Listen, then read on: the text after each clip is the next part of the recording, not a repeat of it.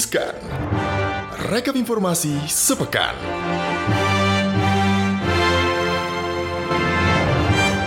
Makan ketupat di halaman. Selamat hari Jumat Sobat Cuan Nah, kita udah kompak ya Kompak sekarang. banget Kita lulusan dari Akademi Lawak Eh salah pantun Indonesia, Indonesia ya.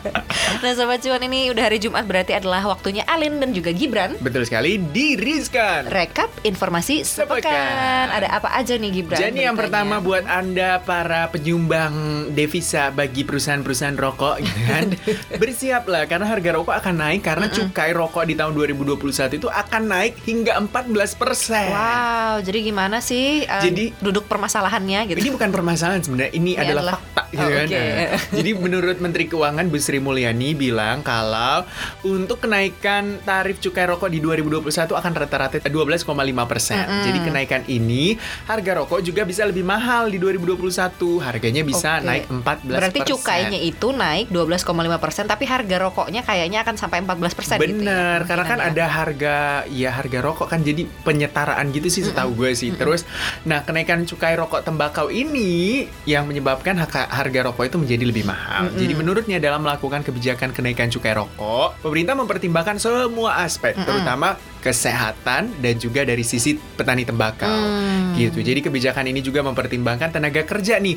Jadi nggak semuanya rata gitu naik. Kena, Jadi kalau mm-mm. perusahaan yang tenaga kerjanya banyak itu akan disesuaikan gitu kan karena kan nggak mungkin Hmm. disamakan dengan perusahaan atau tenaga kerja yang jumlahnya sedikit gitu kan jadi agak mempertimbangkan asas kemanusiaan Hmm. Jadi kalau misalnya ini sebenarnya. kak katanya kalau misalnya cukai tembakaunya apa namanya tidak dinaikkan untuk industri yang ngelinting rokoknya secara manual. Benar Ah. itu. Dan eh, kalau kita lihat kan itu ad- ada rokok kretek sigaret putih mesin apalah gue nggak tahu sih karena gue bukan perokok gitu kan. Tapi rata-rata naiknya 12,5 persen yang buat nanti harga per batangnya itu juga naik loh. Jadi mungkin nggak bakal dapat seribu eh sekarang berapa sih? Gue nggak tahu sih seribu dua ribu gitu ya. Gue nggak pernah cek soalnya ya. Jadi kenaikan CHTK atau cukai hasil tembakau ini juga akan mengamankan penerimaan negara. Jadi salah satunya itu untuk mendapatkan penerimaan negara juga. Kita tahu kan kita buku duit ya kan? Selama pandemi gitu. Tapi tetap dipertimbangkan ya petani tembakaunya juga gitu sobat cuan. Jadi ini kalau kata Bu Sri Mulyani adalah keputusan yang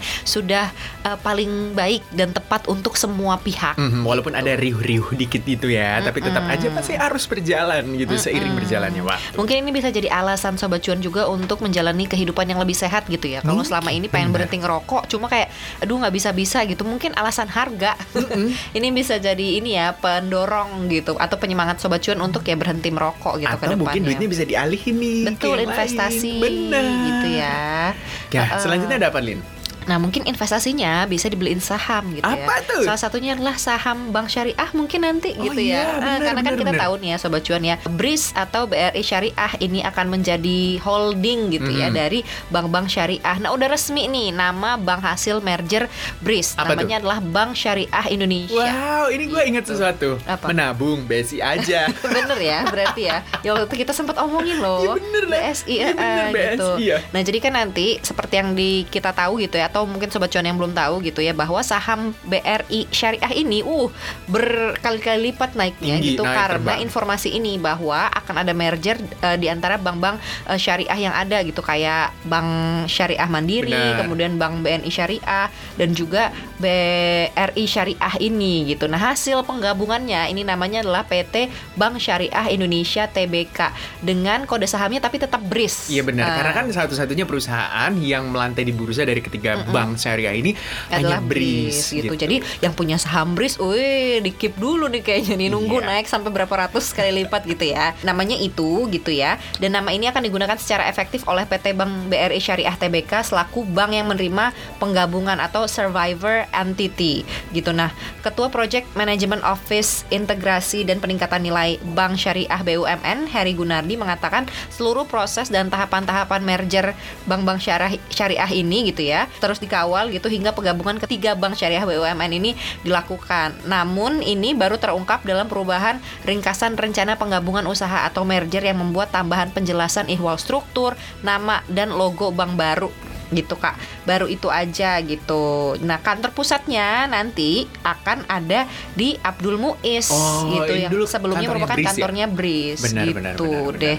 Dan ya itulah ya masih akan ada informasi-informasi lanjutan gitu siapa aja nanti yang jadi top manajemennya. Bener, Mm-mm. itu tuh paling ditunggu. Mungkin Pak Heru Gunardi gitu kan. Kabar-kabarnya sih. Gitu sobat cuan ya. Nah kalau sobat cuan sudah memegang saham Breeze gitu ya, udah naik berkali-kali lipat, sobat cuan juga mungkin bisa lirik saham-saham yang lain karena kabarnya Mhm. ini prediksi atau ramalan dari JP Morgan gitu ya, IHSG itu bisa tembus 6.800 di 2021. Oke, mulai dari sekarang Sobat Cuan mungkin bisa masuk tipis-tipis dulu pelan-pelan pelan-pelan jadi long term gitu. Jangan trader trader uh, dua bulan dicabut gitu. Ini kan kalau ada prediksi gini berarti ada sebuah uh, Optimisme katalis gitu ya. ya. Optimisme begitu yang dilihat oleh JP Morgan. Jadi menurut perusahaan keuangan asal Amerika Serikat ya bisa saja levelnya itu menyentuh 6.800 pada tahun depan 2021. Lumayan kan karena Make Indonesia Great Again ini menjadi tajuk yang digunakan oleh JP Morgan, perusahaan finansial asal Amerika Serikat yang dalam risetnya untuk pasar saham Indonesia memprediksi IHSG bisa tembus 6.800. Jadi uh, menurut kepala riset dan strategi JP Morgan Indonesia, Henry Wibowo, mengatakan bahwa level tertinggi sepanjang masa sejalan dengan penguatan nilai tukar rupiah juga adalah 13.500 per dolar Amerika. Diprediksi segitu Diprediksi tahun seperti depan. itu. Jadi Selain itu juga pertumbuhan produk domestik atau PDB Indonesia itu bisa positif 4% dari kontraksi 2% di 2020. Hmm, Jadi, kita melesat lah ya di 2021 itu ya. Nah, kabarnya juga di 2021 itu negara-negara emerging market ataupun negara berkembang juga ini akan mencapai sebuah titik balik emas. Jadi recovery-nya lebih cepat daripada negara-negara maju gitu. Bahkan di 2021 ekonomi digital Indonesia juga diramalkan akan menjadi lebih baik. Betul. Belum lagi juga ada itu ya Omnibus Law. Ini juga apa opti- optimisme asing jadinya Benar. eh, makin-makin gitu ke Indonesia gitu juga. Ada juga Kak re- rencana Sovereign Wealth Fund atau Benar. SWF yang lagi diusahakan sama pemerintah kita gitu. Jadi penguatan indeks ini dipengaruhi juga sama Omnibus Law dan SWF itu kan. Jadi sebenarnya masa depan perekonomian Indonesia itu dikabarkan akan lebih baik gitu prediksinya. Betul, karena kita ya. punya semua toolsnya, kita tinggal uh, menunggu waktu yang tepat ya. Kalau sekarang mungkin lagi masih sibuk COVID gitu, ketika COVID ini sudah ter apa ya tertangani dengan baik gitu, nah itulah ekonomi kita melesat. Bener banget. Nah, jadi kalau pada saat COVID Anda sobat rebahan menjadi pahlawan karena di rumah aja. Sekarang kalau di 2021 sobat rebahan yang lagi rebahan semuanya bangkit gitu. Bekerja kembali lagi ya. Betul, gitu. Kita apa putarkan kembali roda ekonomi kita gitu ya, gulirkan kembali roda ekonomi Indonesia gitu Bener ya. banget. Seperti mungkin Anda bisa menjadi salah satu dari mereka di tahun 2021 atau Siapa, 2022 gitu kan. Uh-uh. Karena ada empat selebriti Wow. Indonesia yang Ya. Masuk Forbes 2020. Oh, ini kaya atau gimana kak? Eh, jadi ceritanya? ini Forbes itu meri- merilis Asia uh, 100% Digital Star 2020.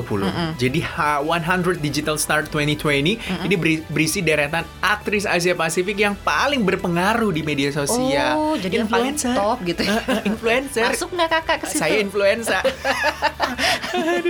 Itu dong bersin dong ya. Gitu. Jadi dari 100 nama pesohor ini ternyata ada empat selebriti Indonesia. Ore, selamat. Siapa aja nih ada nggak ya yang gue kenal ada Rich ya? Brian. Oke. Ini Brian ini bernama asli Brian Emmanuel Suwarno. Ia menggarap album album terbarunya itu di saat pandemi COVID-19 ya. Jadi pada bulan April ia merilis versi pertama dari dua versi video musiknya itu Yang Bali yang Bali. sudah dinonton lebih dari 8 juta kali di YouTube. Jadi Brian ini berusia kurang lebih 17 tahun. Waktu single Waktu pertamanya single debutnya iya, dulu bener. kak. Masih muda-muda ya sih. Ah, Saya banget beda ya. ya sedikit lah gitu ya. Nah selain Rich Brian ini juga ada artis yang dari dulu emang niatnya mau go internasional. ini gitu kan Agnes Monica atau Agnes Mo ya sekarang ya di terkenalnya kayak gitulah. Nah dia ini eh, sudah melenggang di dunia hiburan Indonesia gitu ya di, di industri hiburan tuh udah 28 tahun Bener. Sobat Cuan dan pernah berkolaborasi dengan kayak Steve Aoki, Chris Brown dan juga Timbaland gitu ya. Eh, pengikutnya kalau di sosial media tuh ada 47 juta. Bisa bahkan gue bilang ya, tuh 47 Agnes Monica itu ini loh eh, menurut gue ya aktris atau mungkin ah, ya artis paling multi talenta Benar, benar. punya apa ya punya kemauan untuk berkembang Visi misinya Visi-misinya jelas dari jadi kecil. Hmm. tracknya itu eh, aduh menurut gue paling catchy sih menurut itu kata Agnes kan dream believe it and make it happen Wis gila. Agnes- Kamu ini ya apa namanya? Tahu apa nama art- Bukan Agnes apa? Naz in the Hood. Oh, Itu nama fansnya. beneran Naz in gue the bukan Hood. sih saya dulu ngefans banget sama Agnes Monica dan sampai sekarang sih gitu ya. Nah jadi kalau kata Forbes nih, Agnes ini punya selain ini ya apa namanya multi talenta tadi gitu Hmm. ya, punya lini bisnis fashion dan aplikasi langganan berbayar gitu. Dan Oke. dia juga eh, dia juga jadi brand ambassador kayak Vivo juga Lazada Indonesia. Mm-mm. Jadi duitnya banyak, Banyak. cuy. Jadi gitu kalau jadi anak muda itu harus bermanfaat ya. Selain multi talenta juga multi bisnis. Oke, selanjutnya ini mungkin Anda patut eh, berbangga juga gitu Betul. kan. Becek, becek, gak ada ojek gitu kan. Cinta Laura Kill. Eh, eh, Cinta Laura ini gitu ya walaupun mungkin ya lagu-lagunya Cinta Laura gitu ya sobat cuan tahu dulu kayak soundtrack sinetron Benar. jadinya gitu ada Atau- beberapa juga sekarang gitu ya Mm-mm, yang ada Vida ya dan Caliente. Nah, ini tuh bahkan dikatakan keduanya ini hampir memiliki 5 juta penayangan di YouTube gitu. Jadi ini Hmm, jadi kan 5 walaupun dia berdarah gitu ya. Jerman, Indonesia gitu kan. Tapi Cinta Laura itu tetap eh, menurut gue sih apa ya? Sangat bangga gitu dengan keindonesiaannya Hmm. Betul, dia. Bahkan kalau kita lihat tuh dia really really proud to be Indonesian people gitu. lu kok jadi sesuai Inggris juga sih gitu. kan ini ngomongin soal Cinta Laura gitu. kan. menghayati ya kayak Iya, jadi dengan hampir 8 juta followers di Hmm. Instagram, Cinta Laura juga bekerja sama menjadi brand ambassador beberapa brand gitu kan. Uh-uh. Misalnya Bulgari, terus Oppo, Uniqlo, brand from Oh, Japan gitu kan. ya. Gue brand biasa. apa ya? Apa lu brandnya Gak tahu brand apa. Bir brand. Bir brand. itu juga lumayan kak biar Apa-apa. sehat kalau ya. misalnya bir brand mau promo apa promo lagi Aduh, tapi Mau placement boleh, gue boleh. kayak jadi naganya gitu. bau naga kak kalau Selanjutnya ini ada yang dipuji-puji sama semua uh, Ini mirip, Kak, sama lelaki-lelaki saya, Kak. Indonesia mirip sama Anda ya. Saya mirip sama suaminya. oh Nah, Amis Daud sama Raisa, Raisa. gitu kan. Nih, Raisa itu punya followers 40 juta di media sosial. Oh my god, kalau gue punya followers 40 juta. lu mau ngapain Maaf, DM Anda gue nggak balas. endorse mulu ya lu endorse endorse DM-nya juga gue gak balas ya, tau gak baca. ya? Jadi uh, video musik yang terbaru gitu kan, yang di hasil apa ya gue lupa istilahnya yang dulu bahasa kalbu itu kan pernah dinyanyiin sama artis sebelumnya terus di eh, Remake. remake lagi oleh Raisa itu dinonton 9,5 juta kali di Oh. YouTube bahkan di Spotify itu 9 juta kali didengar. Ah beda tipis lah sama job-job cuan. Kita Job-job 8 cuan kan juta berapa gitu. 8 juta 750 ribu Bener. pendengarnya. Kita akan menyaingi anda itu ya sobat cuannya. Jadi tadi itu adalah empat artis Indonesia yang masuk ke Forbes 2020 tapi itu di titlenya gitu ya atau listnya adalah Asia's 100 Digital Star 2020 bener jadi kayak ada lagi list yang lain bener ini yang terbaru. Ini yang gongnya. Ini gongnya nih. Karena mereka menggerakkan 40% roda konsumsi di Indonesia. Iya. Alias 10 orang terkaya di Indonesia Betul, tahun Sobat 2020. Cuan. Jadi kan kalau akhir tahun ya Benar. selalu nih apa kayak the best ini, the best itu, the best ini, the best itu. Nah Forbes nih ngeluarin juga gitu dan ini memang kayak bisa dibilang benchmarknya Forbes gitu Benar. ya. Merilis daftar orang-orang terkaya. Jadi udah dirilis nih 50 orang terkaya di Indonesia di tahun 2020 ya dan disebutkan bahwa karena pandemi nilai kekayaan total orang kaya Indonesia itu susut 1,2 persen Mhm. dari daftar tahun lalu sebenarnya gitu ya sobat cuan ya dari 133 miliar US dollar atau 1,8 kuadriliun rupiah kuadriliun tuh udah bukan triliun udah bukan Aduh, gua sampai batuk keselak itu duit. kuadriliun kayaknya semua ya. totalnya berapa gitu ya ya begitulah jadinya turun 1,2 persen kekayaan totalnya gitu nah Mhm. tapi siapa sih yang ada di peringkat 10 Yang orang 10 dulu terkaya ya. Indonesia Dari nomor 10 adalah ini yang punya Mayora, cuy. Mm-mm, Satu, satu lagi, lagi dari dari, Mayora. itu kan. Jadi namanya adalah Bapak Jogi Hendra Atmaja. Nilai Ini kekayaannya? US 3 miliar US dollar. hmm, kalau dirupiahin banyak lah ya Nggak sanggup gua nih Rupiahin hitungnya nggak pernah punya duit segitu cuy. Aduh.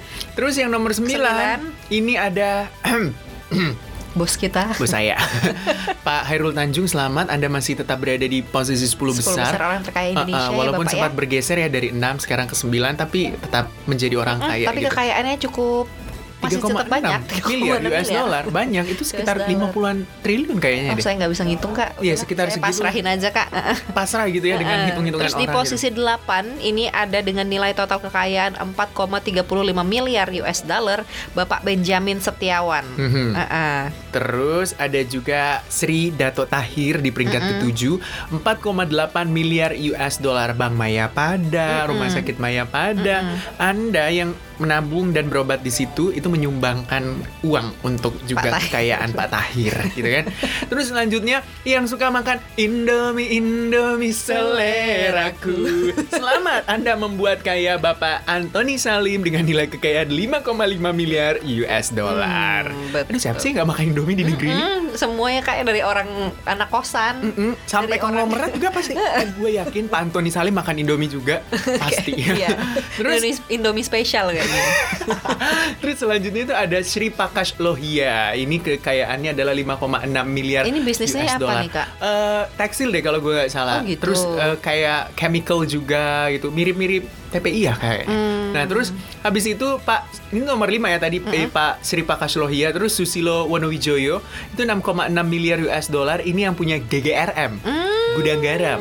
Rokok Yang juga. kemarin sempet drop sahamnya ya. Tapi tenang aja, tapi Pak, tetap kayaknya, kaya mm, orangnya ya. Tetap cuan kayaknya Bapak ya. Bener. Kalau yang nomor tiga ini Pak Prayogo Pangestu 7,6 miliar US dollar. Ini yang punya TPIA Chandra Asri Petrochemical. Hmm, Terus ya banyak lah perusahaannya. Pokoknya sampai bisa kaya gitu kan. Hmm, Terus selanjutnya bagi anda para konsumen Sinarmas, Hmm, anda menyumbang juga kekayaan untuk Wijaya Family 9,6 miliar US dollar.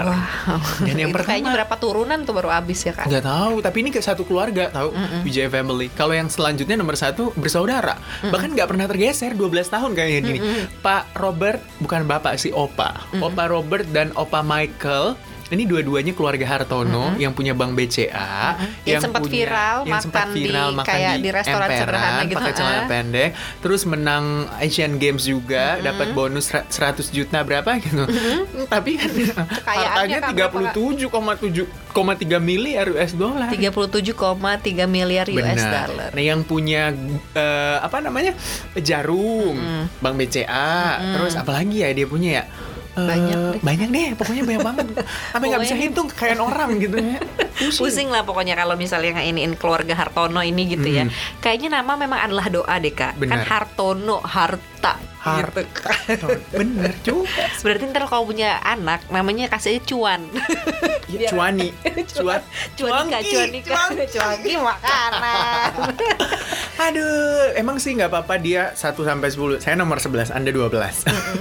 11 12 ya. Kayak iman takwa. Amin. Iya bener kak. Bener, Atau kita adalah orang yang bersabar. Karena Iya. orang yang bersabar itulah kaya hatinya. Kayak Kak. hatinya. Sabar kapan kayanya. Sabar aja gitu ya, belum kayak kayak sabar. Sabar, gitu. sabar aja Dan kita harap sobat cuan juga sabar ya, gitu Mm-mm. menjalani hari-hari yang mungkin gitu buat beberapa sobat cuan belakangan ini agak lebih sulit gitu dari Bener. biasanya. Gitu. Mm-mm. Atau enggak sobat cuan yang selalu berpikir bahwa 2020 itu cuma Januari Februari terus Desember udah gitu nggak ada bulan-bulan lainnya tetap sabar aja ya sobat cuan karena di 2021 mendatang ada harapan yang lebih baik selalu optimistis dan kita doain deh semua yang lagi nggak nggak punya kerjaan atau mungkin lagi layoff di 2021 semoga mendapatkan pekerjaan baru tempat baru rezeki baru Betul, karena rezeki kan bisa datangnya dari mana aja. bener gitu ya, makanya ya. cari teman jangan cari musuh guys Yang penting sekarang sehat-sehat dulu, patuhi protokol kesehatan ya. Betul sekali. Gitu Tetap aja. jaga 3M tentunya ya. Jangan lupa Jangan sampai tangan. 17 m, nanti kena KPK. Ih, itu mah dana bansos. Ya udah gitu aja lah ya kalau Oke. gitu. Terima kasih Sobat Cuan sudah mendengarkan. Jangan lupa boleh lo DM kita atau mention di @cuap underscore cuan. atau enggak langsung aja dengerin kita di Spotify atau baca juga di cnbcindonesia.com atau, Atau di langsung YouTube ya. Instagramnya Juga juga kan Uh-uh. CNBC Indonesia. Betul, itu aja dulu untuk pekan ini. Happy weekend. Happy weekend. pamit. Gibran pamit. Bye. Bye.